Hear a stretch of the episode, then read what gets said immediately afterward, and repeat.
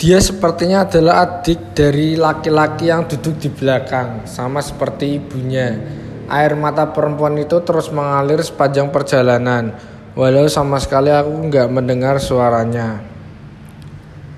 Akhirnya gerbang rumah sakit sudah kelihatan, aku lalu mengurangi kecepatan. Ambulan aku bawa masuk gerbang ketika kami sudah benar-benar sampai. Gedung UGD menjadi tujuan. Aku menghentikan kendaraan di depan pintu UGD, lalu dengan sigap beberapa perawat membuka pintu belakang untuk mengeluarkan pasien. Aku terus memperhatikan semuanya, tapi ada yang aneh.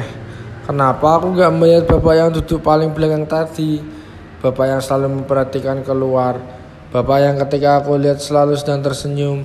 Bapak itu gak kelihatan. Ke mana dia?